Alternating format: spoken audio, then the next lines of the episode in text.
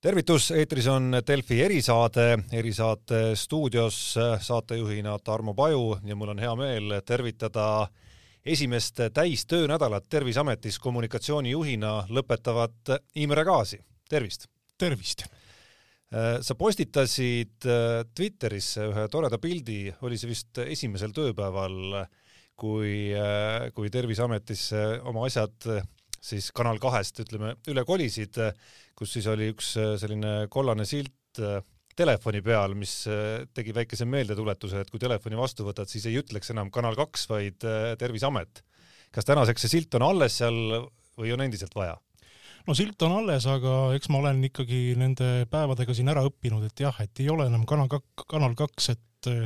seitseteist aastat küll sai seda sõna öeldud, aga nüüd tõepoolest Terviseamet, Imre kuuleb tervist kui hull siis on? ei ole hull, ei ole hull, see on enam-vähem see, mida ma ette kujutasin. tõsi, et erasektorist äh, avaliku sektori üle minnes, siis äh, no seal on teatud asjad teisiti, aga, aga ütleme nii, et see töökoormus ja, ja kogu see äh, närvipinge, mis selle tööga kaasneb, on enam-vähem samasugune kui ühes telesaates me tegelikult rääkisime juba eelmisel nädalal enam-vähem samal ajal, et et kas juba esimese paari tööpäeva järel võiksid tulla meie erisaate külaliseks ja, ja siis sa laveerisid natukene kõrvale, et et äkki mõned päevad veel ja õnnestub Terviseameti teemade ja valdkondade ja, ja uute väljakutsetega paremini ennast kurssi viia, et kui kindlalt sa nüüd äh, täna tunned ennast, kui täna hommikul tulid tööle kasvõi? No kui sa tahad äh, väga sellist spetsiifilist äh, statistikast, äh, statistikat minu käest, siis ma seda sulle öelda ei oska. et ma pean ikkagi minema andmebaasidesse, vaatama järele, helistama spetsialistidele, et ma ei ole selles mõttes kõikides valdkondades veel pädev, aga noh, tõsi ta on, et kui sa oled Terviseameti kommunikatsioonijuht, siis sa pead olema ikkagi oma asjadega kursis ja, ja oskama ajakirjanike päringutele ka ise vastata, kui vaja on hüppame võib-olla natukene ajas tagasi sellesama viimase seitsmeteistkümne aasta peale, et seitseteist aastat äh, krimireporter, see on päris pikk aeg sellise, ma ütleks, no väga pingelise töö jaoks. Krimireporter ma tegelikult olin kaheksa ja pool aastat sellest ajast, et äh, ikkagi tegelesin ka äh, teiste uudistega, aga noh, seitseteist aastat, no mida see tähendab, noh, ühest poisikesest läbi selle aja kasvas ikkagi enda arvates selline tõsine ajakirjanik, kes tahtis ikkagi tegeleda ka mm, tõsisemate teemadega, kui, kui ütleme seal Reporteri saate igapäevaelus ette tuli. mis see, mis see algselt üldse viis sind just nimelt selle maailma juurde, oli see põnevus, kui, kui rääkida sellest krimi poolest just, mille poolest sind kindlasti väga paljud äh, tunnevad, et et oli see põnevus, action, äh, adrenaliin, äh, kõik need asjad, mis, mis viisid su üldse selle valdkonna juurde? absoluutselt mitte, see oli üks suur juhus, krimisaate juht lihtsalt jäi haigeks, saatis sõnumi, et häält ei ole, tööle tulla ei saa ja siis tollane krimisaate produtsent küsis minu käest, et kuule, Imre, kas sa tahaksid proovida saate juhtimist? ja ma ütlesin, miks mitte, astusin kaamera ette ja niimoodi kaheksa ja pool aastat järjest no päris sunni pealt seda ikkagi ei tee nii pikalt, et, et kui ei oleks sobinud, kui ei oleks meeldinud, siis ilmselt oleks esimese korra järel juba või enne esimest korda öelnud, et ei, see ei ole minu jaoks, et et midagi sealjuures pidi ikkagi olema, mis, mis paelus ja, ja hoidis ikkagi nii kaua. No eks see kriminaalne maailm ikkagi on ju äh, omamoodi põnev, et äh, aru saada, mismoodi need reeglid selles maailmas käivad ja ja sukelduda siis ööellu, mis äh, meie valgete inimeste igapäevases sellises töises elus ei, ei tundugi ju noh, peale vaadates nii, nii teistsugune, aga tegelikult iga päev öösiti ringi sõites ja koos politseinikega tänavatel patrullides ma sain aru, et, et see ööelu, mis Eestis on, on ikkagi hoopis teistsugune, kui, kui me ette oskame kujutada ja sealgi need, neid teemasid on palju enam, kui, kui, kui arvata võiks. samas ta on, ütleme, mõeldes kõikidele rollidele, mida olgu siis uudistesaates või, või ajalehetoimetuses saab üks reporter kanda või, või saatejuht kanda, siis noh, valdkonnana on see selline kuidas öelda, kõige rohkem nii-öelda nagu välja peal ikkagi, et ja, ja kõige vähem kontoris, eks ole. et nojah, veri ja higi ja pisarad ja öised, öised tunnid ja väljasõidud, mis ei küsi seda, et mis sa parasjagu teed, eks, et kui ikkagi juhtub, siis tuleb reageerida, et kas see kuidagi suutis kõikide nende aastate jooksul hoida ennast paeluvana või, või hakkasid ikkagi viimasel ajal tekkima ka need tunded, et, et kaua võib? tead, kui sa oled äh, umbes sada kaheksakümmend korda ühe krimiloo jooksul öelnud, et alkohol ja autorool ei käi kokku, no siis sa hakkad mõtlema, et pagan küll, et kas, kas sellest juba ei piisa, et äh, eks meil ju äh, selles ajakirjaniku töös tuleb iga päev ette selliseid olukordi, et oh jummel küll, et ma olen sellest juba mitu korda kirjutanud, aga näed, küll küllale liiga ei tee, tuleb jälle teha. et muidugi see rutiin ühel hetkel hakkab tapma ja, ja kui sa, kui sa ikkagi elad seda öörütmi, siis tahaks, tahaks vahel ka noh, nädalavahetusel kusagil oma lähedastega minna ja puhata ja olla, aga kui sa oled krimireporter, siis sellist aega sul absoluutselt ei ole. ohtlik oli ka? no eks mind ühe korra läbi ka peksti, olin sinise silmaga, käisin ringi virila näoga ja, ja mõtlesin, kas seda kõike vaja on, et äh, ei noh, ohtlik ta just ei ole, et võrreldes siin võib-olla idanaabri krimireporterite tööga, kus läheb tulistamiseks ja kõik see muu jama, eks ole, et meil, meil seda ikka ei olnud, et kõige ohtlikum hetk võib-olla oli siis, kui kui üks pätt mind ümber politseiauto taga ajas ja tahtis kaamerat puruks peksta, aga noh, sellega asi piirdus ka. kuidas sa karjääripöördeni jõudsid. sa oled rääkinud, et siin on aidanud kaasa see, et sa ise haigestusid koroonaviirusesse eelmise aasta lõpus, samas äh, mingid äh, mõtted pidid sul ju, ju varemgi olema, kui eelmisel aastal lõpetasid sa ka õigusteaduste õpingud näiteks, ehk siis midagi susises juba jah, peas, peas vähemalt. sa liigud õiges suunas, et eks ma vaatasingi ringi lahtiste silmadega juba mõnda aega, aga seda sammu teha on ju üsna raske, et kui sa oled oma, oma maailmas, ajakirjandusmaailmas nii sees ja, ja see on äh, kuidagi väga mugav ka, et, et sa hommikul ärkad üles, tead, et sul on uudistepäev, on vaja saade kokku panna, tead, kuhu helistada, kellega rääkida, et sellest äh, elust välja ennast rebida, see on ikkagi päris äh, julge samm tegelikult ja ma mõtlesingi, et kas nüüd äh, minna sinna õigusvaldkonda, liituda mõne advokaadibürooga, hakata, hakata tegema juristitööd, milleks kõik eeldused tegelikult ju on juba olemas, aga, aga samas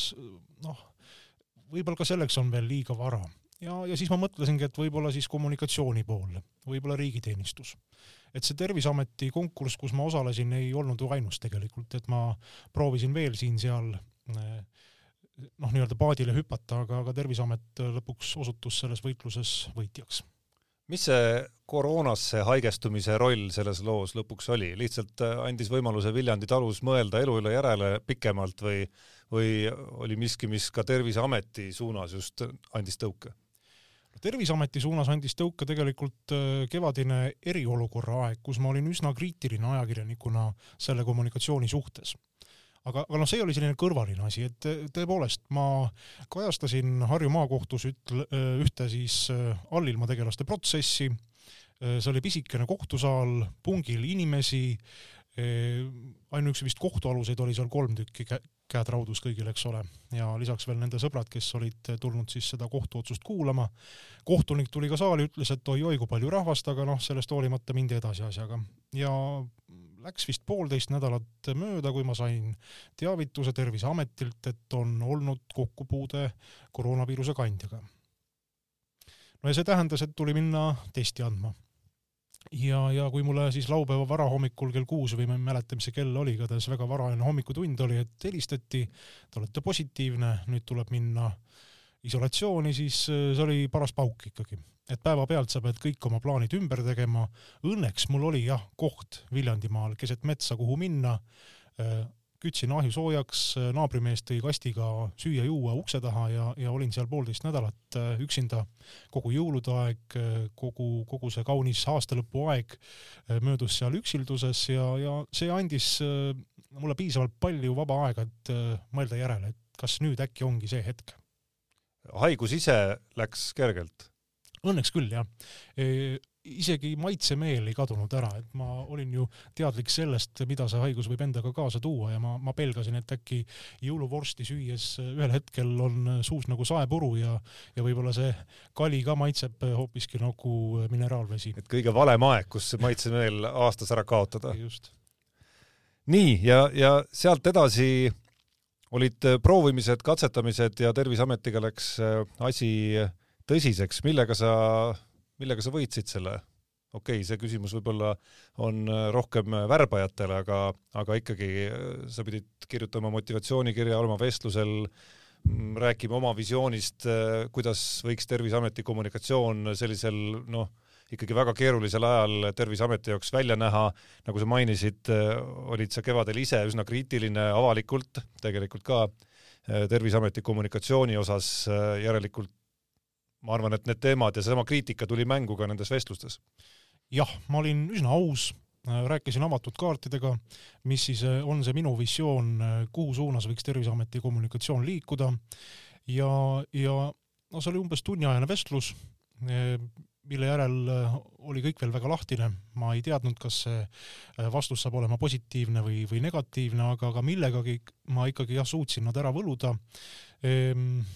noh, võib-olla seal mängib rolli ka pisut äh, see pikk ajakirjaniku karjäär, et ma tean, mis küsimusi võib tulla, mis parasjagu võib olla siis ühe või teise teema selline fookus, mida, mida on vaja juhtida. et, et eks need kommunikatsioonispetsialistid, kes tulevad otse ülikoolist, kellel tegelikult puudub ju kokkupuude reaalse meediaga, ei teata, kuidas meediamajades asjad käivad, mismoodi valmib ajaleht, mis kell on eetris telesaade, mida tähendab siis ühe uudisloo tootmine üldse, et kui kui sulle helistatakse, öeldakse, et noh, et kella kaheni saaks intervjuud teha, siis on kaamera vaba, siis noh, tundub, et aga noh, miks mind peaks huvitama, tulge kell kolm, siis saab intervjuu anda. et, et noh, see tunnetamine, mismoodi üks uudis sünnib, see on selle kommunikatsioonitöö juures tegelikult väga oluline. mida sa eelkõige kevadest ise Terviseametile tagantjärele ette heitsid? no ilmselt oleks pidanud seal kohe tõmbama äh, tõmbama mm, sellesse meeskonda rohkem inimesi et äh, kui sa oled kommunikatsioonijuht, sa usud, et sul on teadmised ja oskused sellise suure kriisi juhtimiseks üksinda, siis äh, sellest ilmselgelt ei piisa. seal piisab äh, väga väikestest nüanssidest, et ajakirjanikud nii-öelda noh, närvi ajada. et alustades kasvõi sellest, et, et noh, kuhu, kuhu asetada mikrofon pressikonverentsi ajal, kas, kas heli on võimalik rääkijalt kätte saada või mitte. või, või, või noh, jätkates seal sellega, et millisest ministeeriumist või asutusest infot kätte saada, mida üldse räägib Terviseamet, mida räägib Sotsiaalministeerium, mida Haigekassa, mida Ravimiamet, et, et see oli väga selline kaootiline, arusaamatu, nii et sellist keskset juhtimist jäi kevadel ikka väga väheseks. üks, mida ju väga palju on tagantjärele räägitud, analüüsitud ja tol hetkel ka kritiseeritud, oli seesama teema, mis puudutas kas või maske näiteks, et kas on vaja siis kanda või ei ole, kas nad aitavad või ei aita, ühedes, ütleme,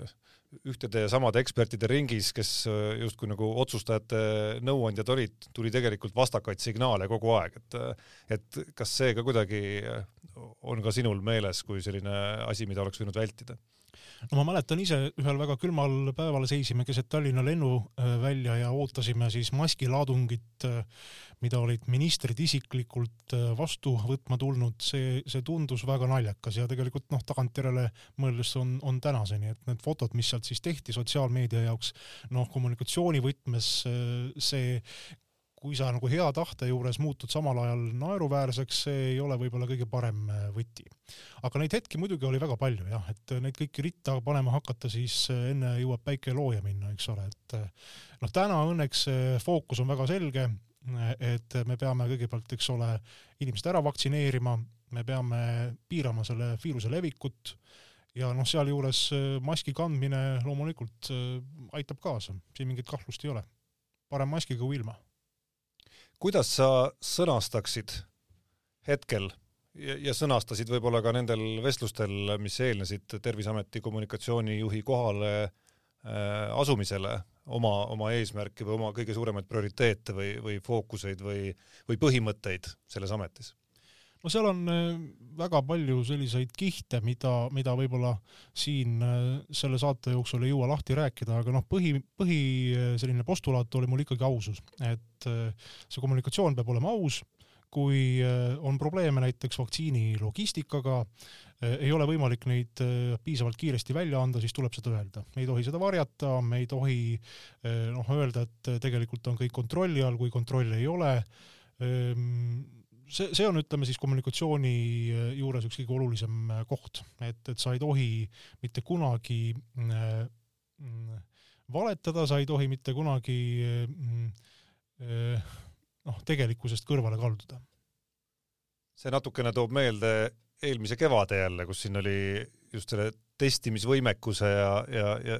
selle teema ümber oli mingi hetk nagu selline segadus, et miks me rohkem ei testi ja, ja tagantjärele tuli välja, et, et see, et oleks võinud selgelt välja öelda lihtsalt. no Eestis on väga palju asju ju võimekuse taga kinni, et me, me võiks ka terve Tallinna linna lumest tühjaks kanda, kui, kui raha oleks olemas ja ja linna poolt selline otsus sünniks, et aga noh, kas, kas see on ka mõistlik või, või või kas, kas see raha kuluks võib-olla kusagile mujale ära, see on, see on nagu noh, teine küsimus hoopis võib ju öelda su kohta ka, et julge hunt ikkagi, kui mõelda, kui mõelda kõikide erinevate noh, kommunikatsiooniametite peale näiteks kas või kuhu sa kandideerisid, kuhu on võimalik kandideerida, mis üldse olemas on avalikus sektoris äh,, erasektoris, noh, Terviseamet aastal kaks tuhat kakskümmend üks koroonakriisi meie eluaegade võib-olla ühe kõige suurema kriisi lahendamise kommunikatsiooni vedamine, et see on ikka päris vägev pirakas väljakutse. See on tõsi, õnneks ma ei ole seal üksend, üksinda, et, et mul on äh, meeskond, mul on äh, toetavad inimesed äh, Sotsiaalministeeriumist, Riigikantseleist, et ma ei pea seda kõike tegema üksinda. Ja, ja see ilmselt aitab mind selles ametis kindlasti välja, aga tõsi ta on, et mul ikka peale selle uudise ilmsiks saamist tuli neid sõnumeid päris palju, kes ütlesid, et palju õnne, aga miks sa seda tegid, kas sa oled hull, et see tagasiside oli, oli päris huvitav. Mis sind ees ootas Terviseametis äh, nagu inimlikul pinnal kasvõi, et, et sealt on ju lahkunud inimesi äh,, seal on olnud, ma kujutan ette, et nagu tööpuudust ei ole, et, et inimestel on tööd kindlasti pigem rohkem kui vähem juba pikka aega olnud ma arvan, stressi on pigem rohkem kui vähem ja nii edasi, et kas inimesed olid juba äh, sellises äh, nõrkemiseelses seisundis või on juba või, või vaatasid ikkagi naeratavad näod vastu ja, ja selline äh, ilus, terve, tore, entusiastlik õhkkond? Õnneks inimloomus on selline, et äh, stressiolukorras sul on energiat on päris palju ja, ja seda energiat selles majas jagub. aga loomulikult minu saabumist oodati, sest kui üks kõige olulisemaid osakondi selles hoones on juhita, siis see tekitab probleeme et kui sul ei ole tulla oma murega siis kommunikatsiooniosakonna juurde küsimusega, mis edasi, kuhu suunas liigume, siis äh, on see probleem ja sellepärast ka seal selle töökuulutuse juures oli mainitud, et tööle asuda tuleb kohe. Ja ka möödunud neljapäeval põhimõtteliselt, kui ma hommikul sellest uksest sisse astusin, tuli kohe tööle hakata, ei olnud aega vaadata, et kus on see käigukang, kus on see Äh, gaasipedaal ja kus on see piduripedaal, et, et tuli kohe põhimõtteliselt hakata päringutele vastama ja, ja vaatama, mis, mis need teemad seal laua peal on. no sinu eelkäija Simmo Saar lahkus Terviseameti kommunikatsioonijuhi kohalt, ütleme siis selliste vastakate, vastakatel asjaoludel, et mitte öelda, et mitte öelda väikese, et mitte öelda üsna suure skandaaliga, et kas see kuidagi on tähendanud äh, mingit taaka sulle ka kaasa sinna või, või, või on see selja taha jäetud? Ma ise läksin sinna selle eesmärgiga, et äh, ma pigem alustan äh, puhtalt äh, lehelt, ma ei vaata, mis minu eelkäija on seal teinud või mida ta ei ole teinud, eks ma loomulikult olen selle looga kursis, olen pidanud ka vastama erinevatele päringutele seoses minu eelkäija tegevusega. eks ta seal segadust tekitas ja eks ta tekitab segadust ka edasi ütleme nii, et eh, no kui mina näiteks Kanal kahe töötajana oleks läinud TV3-e anonüümset intervjuud andma, et oi kui paha tegelikult Kanal kahes on töötada ja seal juhtkond üldse ei tea, millega nad tegelevad, eh, siis noh, mis mulje oleks minust jäänud? kui sellest konkreetsest asjast või teemast rääkida, mis, eh, mis Simmo Saare lahkumise juurde käis, siis äh, kas, kas on mingil määral õige tagantjärele praegu vaadates, et, et Simmol oli ka natukene nagu õigus, et ta kritiseeris siis seda nii-öelda vaktsineerimiskava puudumist või logistikaplaani puudumist, et et kas seal on meil tegelikult ka probleeme ja, ja kitsaskohti? no logistika poole pealt ju alati saab paremini, et sellepärast kaasati ka sinna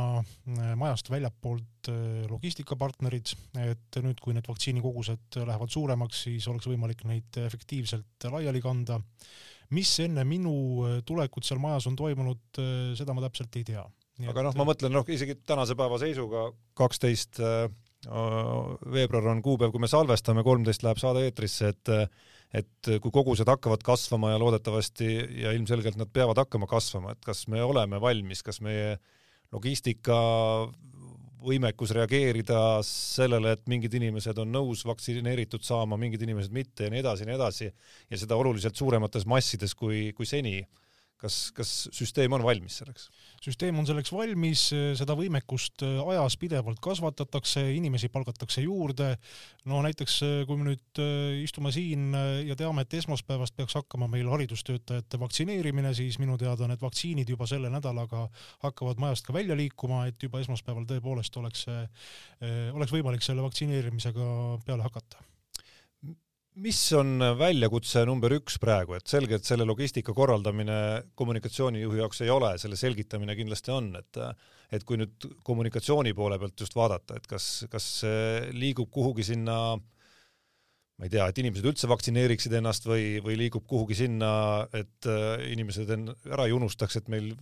meil tegelikult äh, seisud ei ole haigusnäitajate mõttes hästi, et, äh, et äh, kuidas sa, kuidas sa ise näed seda ja, ja kui sa oma prioriteete paika paned, et, et mis need sinna esimesse järjekorda jõuavad? jah, probleem number üks ilmselt ongi see, et me ei tohi ära väsida, et see viirus ei ole kusagile kadunud. Mina ise ka nädalavahetusel, möödunud nädalavahetusel käisin Tallinnas ringi erinevates suurtes kaubakeskustes. no näha on, et maski kandmine ei ole valdav, et äh, restoranides sellest kaks pluss kaks reeglist ei peeta kinni. Ehm, me peame ikkagi jah, jätkuvalt aru saama, et ega need piirangud ei ole kehtestatud niisama, et äh, viirus on meie seas ja see vaktsineerimistase ei ole ühiskonnas selline, mis laseks veel nagu lõdvaks minna. Ja, ja järgmine asi loomulikult on see, et, et kõik saaksid äh, vaktsineeritud et kõik need inimesed, kes seda soovivad, saavad vaktsineeritud. Need, kes kõhklevad, et neile selgitada, et vaktsiinid on äh, piisavalt ohutud, nad on teile äh, igati abiks siis, kui te peaksite nakatuma. et äh, see eesmärk, mida need vaktsiinid täidavad, on ikkagi ära hoida teie rasket haigestumist, et sellest inimesed aru saaksid no see, et see süstekoht vahel valus on või, või pea pisut äh, pööritab, see ilmselgelt ju kaalub üles selle, et äh, raskelt haigestute ja, ja on oht, et äh, te võite siit ilmast lahkuda. oled sa selle nädala ja, ja paari päevaga peale saanud selgeks, mis see meie strateegia hetkel on, ma mõtlen just viiruse vastast võitlust ja, ja piiranguid, et et me oleme langenud, kui, kui rääkida sellest nakatumiste suhtarvust, siis ikkagi Euroopa, ütleme, viie viimase sekka, ehk siis meie viiruse näitajad on suhtes ja võrdluses teiste Euroopa riikidega ikkagi ühed kõige suuremad, samas meie piirangud on ka ühed kõige leebemad, et et kas me pigem loodame, et see püsib enam-vähem veel sellisel tasemel, hullemaks ei lähe, selle me elame üle, kannatame ära ja, ja oleme leidnud sellise hea hübriidi siis äh, piirangute tõsiduse, elu lahtihoidmise ja, ja sellise koormuse vahel siis meditsiinisüsteemile, kus me justkui praegu saame nagu hakkama. või ikkagi äh, on õhus see võimalus, et, et me peame neid piiranguid äh, üsna varsti hakkama jällegi kangemaid tegema? valitsus istub kokku järgmisel nädalal arutama piirangute karmistamist. eks see sõltub loomulikult äh, sellest, äh, mismoodi inimesed ise käituvad. et ega, ega see viirus ei, ei selles mõttes ei tegutse omapäi, et äh, ta ikkagi saab liikuda inimeselt inimesele siis, kui me neid piiranguid ei täida, kui me lööme käega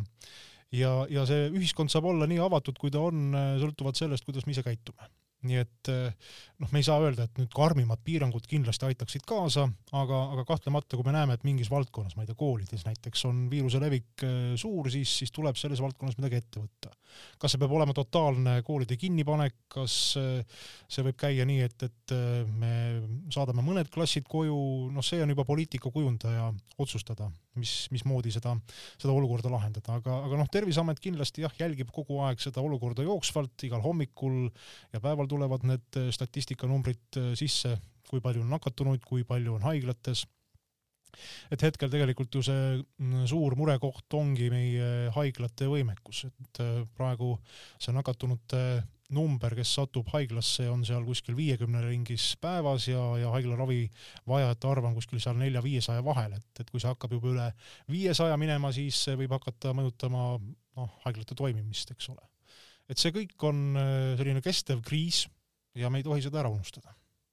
alles äh, eile õhtul Ringvaates vist äh, kajastati seda, kui ma, kui ma ei eksi, äh, kuidas Suurbritannias kuulsused olid seal Elton Johnid ja Michael Caine'id ja Pet Shop Boys jäi endale siit sotsiaalmeediast silma just mõned tunnid tagasi, et äh, kutsusid üles siis ja, ja näitasid eeskuju siis, olles ise saanud kätte koroonaviiruse vastase vaktsiini et Eestis on siin erinevaid uuringuid ju, ju, ju tehtud ka sel teemal, kui paljud eestimaalased on valmis ja kui paljud on nõus ennast vaktsineerida laskma samal ajal on kõrval äh, teadlaste hinnangud, kui suur see number peab olema üldse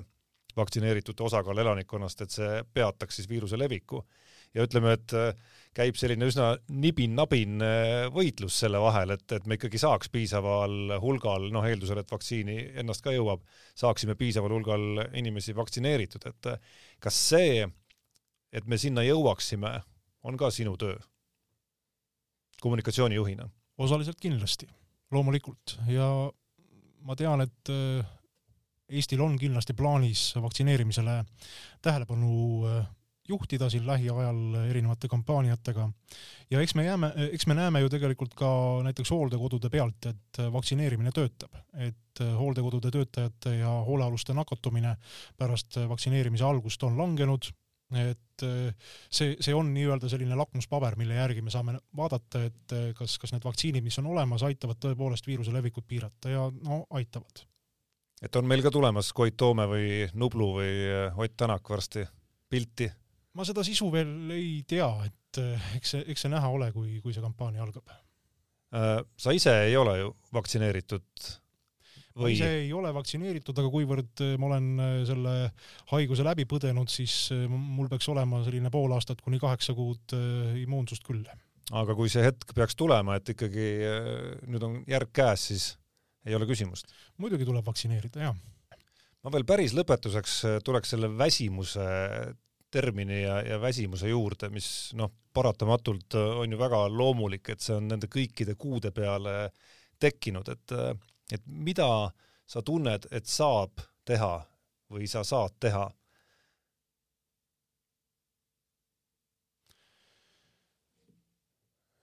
kui minu tegevusest midagi sõltub, ma loodan, et sõltub läbi nende, nende sõnumite, mida siis Terviseamet välja saadab, siis äh, ma ikkagi tahaksin kallutada ühiskonda Äh, liikuma sinna suunas, et äh, me suudame üheskoos sellest välja tulla. et äh, kui siin üks inimene ütleb, et ei, ma ei taha maski kanda, ma ei taha ennast vaktsineerida, siis on see tema õigus. aga ta peab ühtlasi sellisel juhul võtma ka vastutuse, kui tema tõttu keegi nakatub ja, ja sureb, siis siis see on Eestile kaotus. iga, iga inimese surm on Eestile kaotus ja kui me vaatame seda surnute hulka äh, kes on siit ilmast lahkunud tänu koroonaviirusele, siis see on ikkagi Eesti jaoks liiga palju. nii et ma loodan jah, et, et head inimesed, kes te kuulate, kandke maski, hoidke distantsi ja ehk juba varsti läheb paremaks. aitäh sulle, Imre, selle jutuajamise eest, loodame, et saad selle kollase lipiku, oli vist kollane? ja, ja, et saad selle varsti ära võtta valesse hoonesse, ei sõida hommikuti, see